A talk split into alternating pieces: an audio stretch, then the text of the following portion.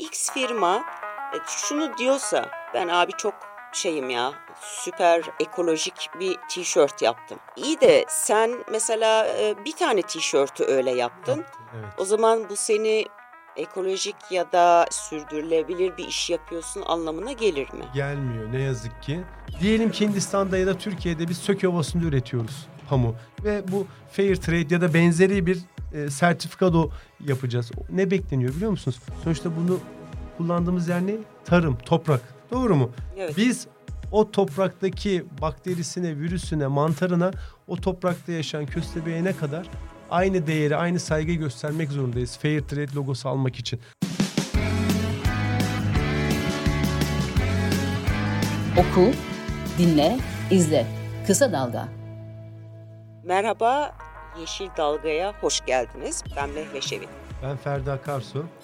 ve yeni bir bölümle yine karşınızdayız. Bu sefer ne konuşacağız?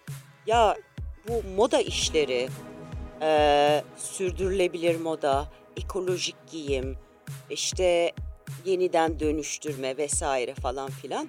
Hazır giyimde de, modada da daha doğrusu e, sadece giyinme çok kullanılıyor.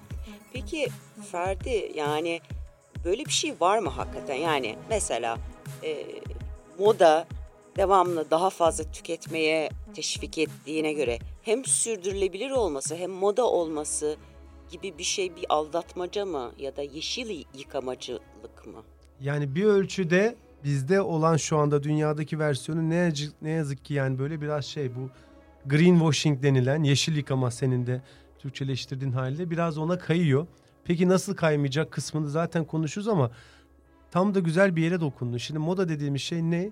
Her dönem değişen bir e, kılık, kıyafet, bir hani estetik kaygımız var. Ona binaen de endüstri bize çeşitli ayakkabılar, kıyafetler, çantalar üretiyor ve bunu da mümkünse ediyor. Her sezon başka bir şey giy ki diyor. Statün de belli olsun. Hani bir yerin belli olsun. Yani zengin misin, fakir misin, güzel misin, çirkin misin, hangi orta sınıf mısın, alt sınıf mısın? Böyle bir şey gelişmiş baktığınız zaman. e, durum gelişmiş. Bir bunu konuşmamız gerekiyor. Bu ne kadar doğru yanlış tüketim kısmı. Bir de o greenwashing mi değil mi? Gerçekten sürülebilir bir moda olabilir mi? Olamaz mı? Kısmını ayrıca tekniğini konuşmamız gerekiyor. Ha. O da ayrı bir case. Tamam. Onu da bir bakacağız, ele alacağız. Dolayısıyla iki Ha. konu önemli olacak burada. Tamam o zaman e, bu yeşil yıkamacılıktan başlayalım. Yani Olur. şöyle mesela e, marka e, vermeye de gerek yok ama diyor ki mesela X e, firması diyor ki ben yüzde yüz geri dönüşümle ürettiğim e, şu tişörtü sunuyorum size ve bunun içinde bu tişörtün de fiyatı daha yüksek çünkü ben gezegene zarar vermeden ve hani bazen bunun alt şeyleri açılıyor ama Hı hı. tabii ki gezegene zarar vermeden ne demek? Yani sen kumaşı e, üretirken mi kullandığın kumaşla ilgili mi? Pamuktayken Ee, mi? tedarik zinciri mi? Ee, ne bileyim su kullanımı mı? Neyi kastediyor? Ve hangi kriterlerin olması lazım? Ee, Tam bu kriter kısmı bence önemli. Hı. Herkesin de bakması gereken yegane şey Hı. Kıyafette bakalım ama bütün ürünlerde de artık kullanılıyor. Küçük küçük böyle yuvarlak o logocuklar vardır Hı. arkada. Onlara bir bakmak gerekiyor birincisi onu söyleyeyim. Çünkü burada çok aldatmaca da dönebiliyor. Çok güzel şeyler de öğrenilebiliyor. Onlardan bazılarında fair trade yazar. Bazılarında biodegradable yazar. Bazılarında der ki pamuk organikdir der Ha. mesela. Ee, gibi bakmak gerekiyor. Orada da bence e, hani nasıl biz marketlere gidiyoruz da ucuzunu arıyoruz, sağlıklısını arıyoruz ya. Kıyafette de markalarda da bize böyle şeyler sundukları zaman bir zahmet bir okuyalım onları. Yani hani gidip de o mağazada o tişörtü seçmek için 3 saat geziyoruz ya. 3 dakikada okumaya ayırabiliriz bence. Bu bir şey değil. Artık bir lüks değil ya da bir görgüsüzlük falan değil yani. Bu pamuk nereden gelmiş vesaire. Çünkü sen güzel özetledin. Şimdi küçücük bir tişört bile baktığında aslında tişört deyip geçersin ama koskoca bir dünya var arkasında. Diyeceksin ki bir tişörtte Mesela? nasıl bir dünya olabilir? evet ya. Yani tişörtte baktığın zaman diyelim ki pamuk kullanılıyor. Pamuklu yün de olabilir bu. Pamuktan gidelim ele. Pamuğun üretilmesi dediğimiz olay büyük oranda hala Yani çok çok büyük oranda belli oranda sentetiğini vesairesini karıştırılmışını kullanıyorlar ama toprakta pamuk bitkisi ekiliyor. Bizde de gayet o Çukurova'dan filmlerden hatırladığımız bildiğimiz o sahneler falan maraba e, şeyleri hikayeleri bakıldığında ne yazık ki pamuk belli oranda su tüketiyor bir. Belli İki- oranda derken bayağı e, Bayağı evet bayağı yani ben birazcık şey bir, söylemedim ama hani e, tüketen bitki. bitkilerden biri. Zaten en büyük tedarikçilerinden biri dünyada o yüzden Hindistan. Hmm. Yani suyun nispeten bize göre biraz daha hani o e, fazla olduğu diyelim yağışın falan. O yüzden orada var ama buradaki önemli olan diğer bir konu suyun dışında tarım. Bu pamuğu nasıl üretiyor? Yani dünya kadar sertifikasyon sistemi var. Bunlardan en bilinenlerden biri fair trade, adil ticaret. Bakabilirsiniz. Yani o pamuğu organik yollarla mı üretmiş? Bir. Fair trade mi, adil ticaret mi? Bu fair trade'i açmam Ha, gerekiyor açalım istiyorsan. mesela bu çocuk işçilik vesaire yani Hepsi. özellikle büyük e, firmaların, markaların e, bu da ayakkabı markaları da var işte hazır giyim sektöründe bunların hepsi Türkiye'de Kahveciler de de var. kahveciler de var e, başka daha sayabiliriz Çok, çok, herhalde E, ama özellikle büyük firmaların e, kar payını arttırmak için e, gelişmemiş ülkelerde Hindistan, Bangladeş, Tabii Türkiye'de e, onlardan. onlardan Artık ne biri yazık ki. ne yazık ki e, buralarda üretip ucuza üretip e, üzerine kendi kar payını bilmem nesini pazarlamasını markasını koyup e, satması. Dolayısıyla e, X firma e, şunu diyorsa e, ben abi çok şeyim ya süper e, ekolojik bir tişört yaptım. İyi de sen mesela e, bir tane tişörtü öyle yaptın. Yaptı, evet. O zaman bu seni ekolojik ya da sürdürülebilir bir iş yapıyorsun anlamına gelir mi? Gelmiyor ne yazık ki. Bu dediğin en çok kullanılan taktik. Bir marka adını vermeyelim. Birçok marka bunu yapıyor. Diyelim ki ürün gamında 25 tane farklı ürün var. Onlardan sadece bir tanesini fair trade yapıyor. Gerçekten de yapıyor. Ama 24'üne hiçbir şey yapmıyor. Ama devamlı onu pazarlıyor. Ben işte bak fair trade ürünüm de var falan. Bu bir işe yaramıyor aslında. Buna greenwashing deniyor.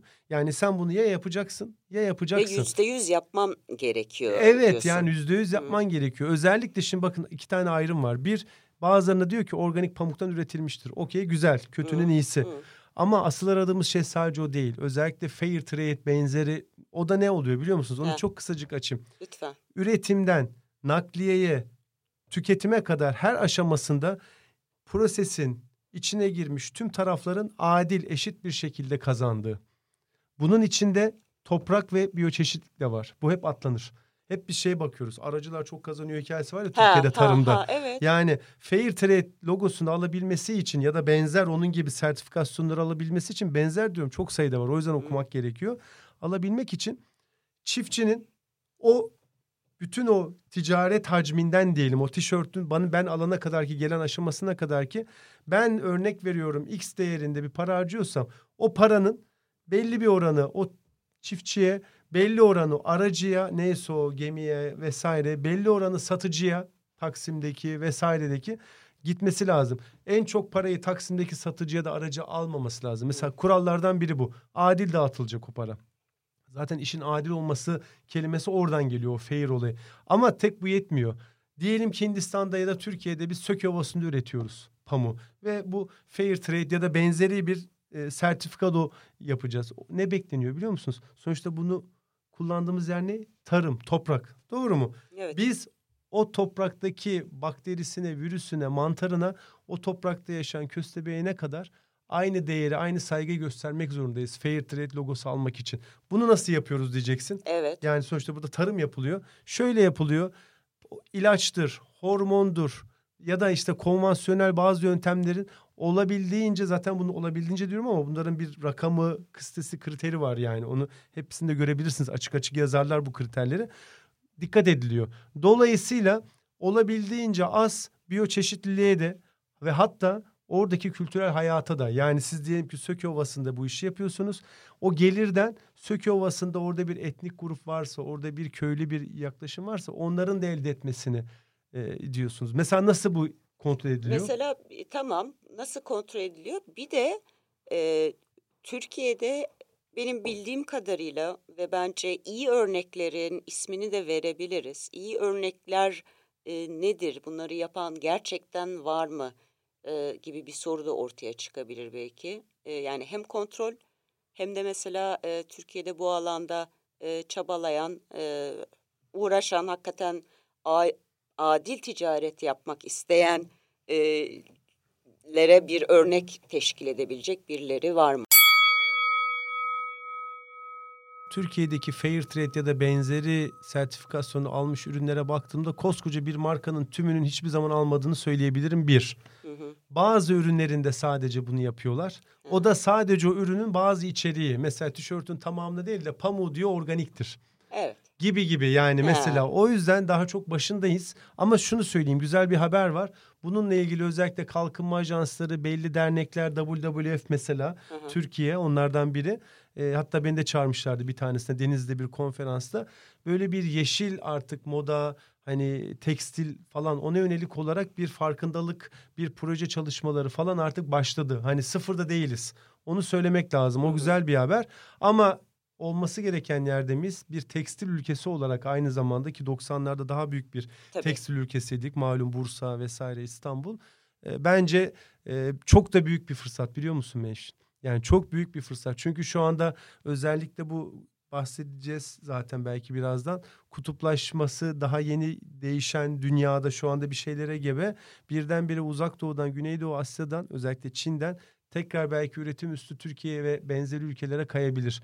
Tam burada bize büyük bir fırsat düşüyor ama biz bu fırsatı Ha. eğer 90'lardaki gibi böyle fason, ucuz, ucuz işçi Yeraltı, kullanarak yeraltı falan Yer gibi olsa bile çok kötü koşullarda yani hem Aynen. işçiler için hem e, ürünler için kötü koşullarda hani ucuza getirmek ve daha Evet. fazla kazanmak için onu tercih kalkarsak. etmemeliyiz o yolu. Ama bir şey söyleyeceğim. Zaten bunu e, yapmanın da artık e, özellikle Avrupa Birliği'ne en çok e, ihracat yaptığımız e, tekstil konusunu hı. Avrupa Birliği ülkeleri e, Tabii tabii mi? Türkiye önde gelen ülkelerden biri. orada şimdi e, konudan sapacak mıyız emin değilim ama e, o da bir parçası. Çünkü Avrupa Birliği bütün bu hani yeşil dönüşüm, yeni yeşil e, anlaşma, efendime söyleyeyim falan filan bunlardan bahsederken ve bir e, iklim değişikliğiyle mücadele için e, kaynakları daha sürdürülebilir kullanmak için bazı kriterler getirirken e, bizim yani alacağı ülkelerden de e, bir takım kıstaslar isteyecek. Ve isteyecek. çok yakında. Ve çok, Çok yakında. yakında. 2025. O kadar yakında. Şimdi olay şu. Ha, Bir yeşil mutabakat olayı var. Hı. Tam da senin şu anda söylediğin. Buna genelde yanlış biliniyor. Özellikle halk arasında. Türkiye Avrupa Birliği üyesi değil diye bizi ilgilendirmez diye düşünüyorlar. Değil. Yeşil mutabakata birazcık yakından incelerlerse görecekler ki aday ülkeler ve sınır ülkeleri de buna dahil. Yani tam senin dediğin olacak. hı. Biz burada bir şey öğrettiğimiz zaman bundan sonra 2025 ve e, takip eden yıllarda e, diyecek ki sen benim standartlarıma göre üretmemişsin geçmiş olsun. Nasıl ara ara bizim portakallar Rusya'dan falan dönüyor haberler olur Ha, domatesler Domates, vesaire. portakal. İşte o dönen şeylere tişörtler, mişörtler, pantolonlar vesaireler neyse de katılabilir. Eğer bu kafayla devam edersek. Fırsattan kastım tam olarak buydu. Biz eğer şu anda e, değişen bu düzende Türkiye yeniden böyle bir e, üst olmaya yönelik bir fırsatı iyiye dönük olarak kendinin üretimini sertifikalandırıp bir değer katarak, bir marka oluşturarak o tarafa doğru yönlendirirse gerçekten o fırsatı iyi değerlendirilmiş olur. Ama yine eskisi gibi fason tam da senin olmasın bu artık dediğin gibi olursa e, Afrika yani Afrika Afrika'ya, üzgünüm e, Afrika gidiş. yani. O da ne olur işte ne kadara satarsanız yani o, da- o da ayrı bir trajedi. Yani hani Öyle. o da ayrı bir konu ayrıca. Hani Tabii. Afrika çünkü dünyanın bir şekilde geleceği yani öyle de söylemek lazım. Çünkü şu anda büyüme oranları vesaire Nijerya yani şöyle söyleyeyim o konuya başka zaman aslında girmekte Tamam. fayda olur ama 2100 yılında Birleşmiş Milletler'in projeksiyonlarına göre demografik Hı. dünyada yürüyen her iki kişiden biri Afrikalı olacak. Kalan o evet kalan o bir kişinin de yüzde yetmiş sekseni gibi e, Güneydoğu Asya. Bunu ben tahmin etmiyorum. Bayağı bir nüfus İstatistik bilimci. olarak. İstatistikler bu do- doğum oranı, gelişmişlik oranına göre Onun için üç çocuk çıkarıyorlar. Çocuk evet o, o da o da ayrı bir sürdürülebilir O, o ayrı bir konu. sürdürülebilir popülasyon hikayesine giriyor ama bu konu önemli olacak. Çok, çok önemli tabii ki. Belli ihtiyaçlar var. Ee, işte okul kıyafetleri olsun, ee, işte ne bileyim yazlık, kışlık bilmem ne olsun. Ee, ama onun dışında da e, yine daha önce de daha farklı bir şekilde konuştuğumuz gibi bir işte tüketim e, meselesi var. Yani insanlarımız pek şeye önem vermiyor yani. E, sen Dostlar de... alışverişte görsün bir laf var ya evet. bizde. Yani şöyle bir şey diyebilir miyiz Ferdi? Ee, ya bu şu demek değil tabii ki. Hiçbir şey alma bilmem ne de. E, yani bir ayakkabıyı parçalanana kadar giymek kötü bir şey değil. Değil. değil. Birincisi ne var biliyor musun? Şunu atlıyoruz biz bunu yapmayıp. 50 tane çift ayakkabı aldığınız zaman sizin 3 tane çiftiniz olsa fark etmeseniz şu anda söyleyeceğime gülseniz bile bir bağ kurarsınız eşyanızla. Hmm. Şundan örnek vereyim. Bir tane evin var diyelim. Hmm. Kurduğun bağı düşün. Özellikle o evin bütün proseslerine sen dokunduysan 10 tane evin olduğunu düşün. O verdiğin değer ister istemez 1 bölü 10 olacak. Evet. Anlatabiliyor muyum? Dolayısıyla onunla ilgili bir yaşanmışlığın da azalıyor. Bir hikayen azalıyor, anlatacak. Böyle bir aslında kendi kendi bir nomad haline getiriyorsun kıyafetlerin arasında. Ve aslında değersiz. Çok felsefi bir şey söyledin. Ama doğrusu da bu çünkü zaten sıkıntısı da burada. Hmm. O yüzden o değersizliği yok etmek için daha çok alıyorsun. Bu da bir kısır döngü. Bir ayakkabı değil de bin tane alıyorsun. Her seferinde o kısacık o haz için. Halbuki daha az sayıdaki ayakkabıdır, evdir, arabadır vesairedir. Hiç önemli değil aynı hazzı alabilirsin. Anlatabiliyor muyum? Yani bu kısım bizi düşürdükleri aslında en büyük dertlerden biri. Bir de şunu söylemek lazım. Onu söyleyeyim. Bizde öyle bir durum var. Tişört 10 liraya buldum kaçırmayayım. Heh. Çok akıllıyım ben falan. Hani evet. böyle bittim pazardan perşembe pazarı yok pazar pazarı bilmem ne pazarı böyle günlerin de pazarları var ya evet. salı pazarı. Buldum 10 lira dünyanın en akıllısı benim bir de anlatırız ya onu. Ben bir tişört buldum 10 tane aldım 10 tane tişörtle. Şunu söyleyeyim. Ne yapacaksın eğer, abi o tişörtleri? Evet aslında şu var iki tane durum var. Ucuz mal alacak kadar zengin değilim hikayesi var. Bunu ha. konuşalım bu bir evet. sözdür. Bir de ne var biliyor musunuz? O 10 liraya alıyorum ya ben aslında 10 lira değil. Onun bedeli çok büyük oranda doğaya falan ödetiliyor. O aslında gerçekten 100 lira. Sen onu 10 liraya alıyorsan ben onu 10 liraya alıyorsam şu oluyor. İzmir'de Gediz Deltası'nda bir pamuk üretiliyor ve iğrenç bir yolda üretiliyor daha ucuz olsun diye zehir atılıyor, su nasıl Bütün vahşi yollarla kullanılıyor anlatabiliyor muyum? Zehirdir, gübredir, fabrikaya giriyor. O fabrika şey altı, merdiven altı orada çalışan işçilerin tamamı birçoğu sigortasız ya böyle belki göçmen anlatabiliyor muyum? Hani olabildiğince ucuza getirecek ya ben onu 10 liraya tabii, alacağım. Tabii. O fabrikanın bir atığı yok. Olduğu gibi Gediz Nehri'ne ya da kollarına belki boşalıyor ya da Ergene'ye hani. Hı. Gidiyor daha ucuz olacak 10 liraya alacağım. Oradan çıkıyor tedarik zincirinde en kötü yollarla yani hani böyle shipping oluyor öyle söyleyeyim. Olabilecek en karbon yükü fazla olanlarla Gem geliyor bize aynen Hı. öyle. Zaten dünya kadar zehirli falan o boya kullanılan içeriği tişörtteki en ucuzu en sağlığa zararlısı dolayısıyla sağlığa da zararı var. Ben 10 liraya alıyorum ama en kötüsü ne oluyor biliyor musun? O güzelim kuş cenneti dediğin yerler, o tarlalar, o alanlar aslında sırf ben onu 10 liraya alayım, 100 lira olan gerçek değerini vermeyeyim diye yok ediyorum. Aslında kaybettiğim yer bir ülkenin, bir dünyanın serveti. Yani zokayı yutmayın diyorsun. Evet. Bu çünkü bir pazarlama stratejisi. Evet. Ucuz mal ucuz değil. Hı. Ucuz mal ucuz, ucuz mal değil. ucuz değildir. Evet. Ucuz mal ucuz diyorsa biri size kaçın orada. Hı. Kandırıyor. Yani ucuz diye bir mal olamaz. Çünkü malın ederi belli. Dedik ya hani Hı. dünyada belli miktarda madde var. O belli miktarda olduğu için değerli. Altın gibi düşün. Altın niye pahalıdır? Çünkü bir limiti var. Dünyadaki ham maddenin de bir limiti var. O yüzden değerli. Sen onu 10 liraya sattığı zaman çakallık yapmışsındır. Geçmiş olsun. Ben de alırken 100 liraya almadıysam onu normalde 100 liraya alacağım bir tişörtü örnek veriyorum. 2 yıl giyiyorsam o 10 liraya aldığımı muhtemelen 6 ayda ilk yazda yok olacak.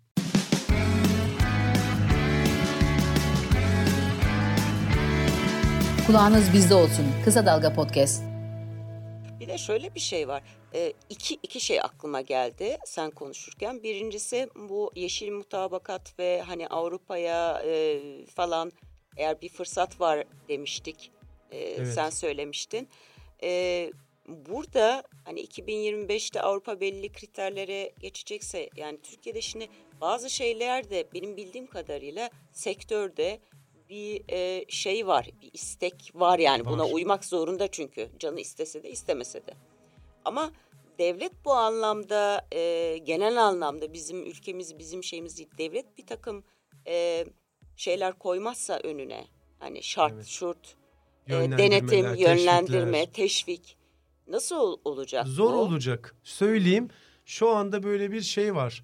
Ee, ihracatçı birlikleri, sanayi odaları bu krizin farkında, bu fırsatın farkında ve olabildiğince kendi üyelerini diyeyim, hani o meslek Hı. örgütleri e, sürdürülebilirlik, yeşil mutabakat konusunda eğitme, altyapılarını hani hazırlayabilme konularında ellerinden geleni yapmaya çalışıyorlar ama çok zor. Niye zor olduğunu söyleyeyim mi? Türkiye sanılanın aksine aslında küçük ve orta ölçekli e, KOBİ'lerin ülkesi. Biz böyle büyük sanayi devlerinden çok az var bizde. Onların hep adları çok ön plana çıkıyor. Evet. Çokmuş gibi görüyoruz. Aslında Türkiye'ye baktığın zaman hep küçük ve ortadır. Çok Hı. büyük oranda öyle söyleyeyim.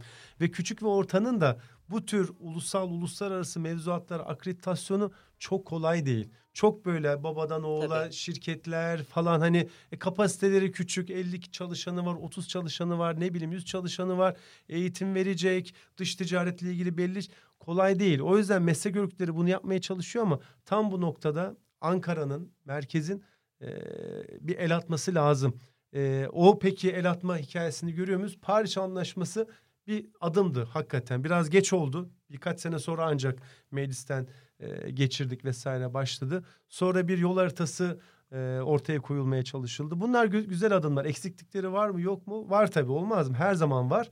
Adımlar güzel ama yeterli değil. Çünkü iki sene bir sektör için hiçbir şey. Yani şu anda yatıp kalkıp Göz bizi açıp kapayıncaya kadar geçecek, bir geçecek zaman. ki zaten yani Tabii. bir gündem var seçim gündemi var hani Ee, önümüzde çok da böyle inovatif değer veren katan şeyler çok seçim gündemlerinde malum Ee, tüm dünyada böyledir Hı. sadece Türkiye'de değil çok ön planda olmayabilir o yüzden çok kaşla göz arasında e, bu süre geçecek Hı. korkum odur ki bu fırsatı kaçıracağız Tamam. sadece ekonomik Umarım. anlamda değil çevresel Olmaz. anlamda da Ama hala uyanmayıp bütün olan bitene hani e, çoğunlukla bizde de bir görüntü şeyi var, ya Var. hani var abi çok işte sürdürülebilirim, çok yeşilim falan filan. E, ama iş öyle olmuyor yani bu ciddi bir mesele. E, uyduruk yapılacak bir şey değil. Son olarak belki de e, unuttuğumuz e, yine yani aslında şöyle bir şey de söylemek isterim. Yani bir bireylere de e, insanlara da e, şunu yap bunu yap. Evet bilinçlenme çok önemli. E, yani herkes de bazıları da o omuzlarındaki yükü o kadar fazla hissediyor ki bunalıma giriyor abi ne yapacağım ben falan diye. Haklı olarak Haklılar yani bence. bu iklim kaygısı dünya nereye gidiyor bu işte aşırı tüketim bilmem ne falan filan. Fakat tabii ki büyüklerin yani sanayide ya da muhalefetin de aslında iktidar muhalefet değişir değişmez bu anlamda zorlayıcı bir takım politikaların açıkçası ben yani gündemin baş yerlerinde göremiyorum. çok uzağında Çok uzağında Çok değil biz de mi? çok uzağındayız ama yani çok basit şeyler de yapılabilir aslında. Hı. Mesela Avrupa Birliği ülkelerinde araçlar vergilendirirken ürettikleri karbon göz alınıyor. Bizde mesela motor hacmine göre oluyor. Motoru Hı. ne kadar büyükse o kadar hani Hı. CC diyoruz ya Evet. falan. Mesela en basit bir şey çok kolay yani belki üç günde halledeceğiz. Zaten hazır olan bir mevzuatı gelip getireceksiniz buraya gibi. Yani çok basit şeylerle de başlanabilir. Hani burada böyle konuşuyoruz. O yolları koda- kim kullanacak Ferdi? O gibi köprülerden yani kim evet. geçecek? Aslında Ne bakınca tam sen? öyle deyince evet biraz Ha. da karmaşık durumu o. Ya. Yani oraya da bakınca ama başlanabilir onu söylüyorum ve bence Ankara'nın özellikle merkezi hükümetin ve bence bir ölçüde de Avrupa Birliği'nin Türkiye üzerine de sorumlulukları var. Ee, Afganistan'da Rusya'da yanlış yaptığım bir şey. Eskiden belki umursamıyorduk ama şu anda Buenos Aires'teki insanı da etkiliyor. Oradaki sel diyelim ki olacak. Yani onlar şu anda düşünün yani. İlk biliyor musun? İşte eskiden hiç böyle birbirini suçlayamıyorduk. Böyle nur topu gibi bir küresel kendimize şey Evet. çıkarttık sorun. Eskiden Doğru. hep biz bunu bir sorun çıksa da diktatörler ararlardı böyle şeyler. Hemen bir ülkeye girin falan. Şimdi bayağı tüm ülkeye artık dünya hedefine ulaştı. Böyle bir sorun buldu Her ki şey birbirine evet bağlı. orada Putin ne yapsa burada işte hani şunu söylemek lazım. Söyle. Yani bir mana dünyası, estetik kaygılarımız bunlar çok kuvvetli güzel şeyler. Bizi biz yapan şeyler. Yani modadan mahrum kalmaktan bahsetmiyoruz. Yeşil olmak adına. Ama gerçekten bir şeyi de doğru yapmak gerekiyor. Sırf laf olsun diye falanca firmanın ben yeşilim demesini de yemeyelim. Bunu çünkü yıllarca yedik. O yüzden gerçekten ben yeşil bir fashion'ım diyorsa, modayım diyorsa onu yerine getirsin biz de kullanalım. Elbette biz de istiyoruz ara ara güzel değişik tişört almayı vesaire. Hoşumuza gidiyor ve güzel de bir şey. Kendimizi prezente ediyoruz dışarı hani vesaire. Ee, o yüzden hani onu o şekilde yaklaşalım. Yöntem her şey. Öyle kategorik yaklaşmamak gerekiyor. Eyvallah. Hocam Teşekkürler. o zaman e, herkese hoşça kalın. Bir sonraki Yeşil Dalga'da buluşmak üzere. Evet, dalgayı yakalıyoruz arkadaşlar. Yakalıyoruz, dalgada gidiyoruz. Gidiyoruz.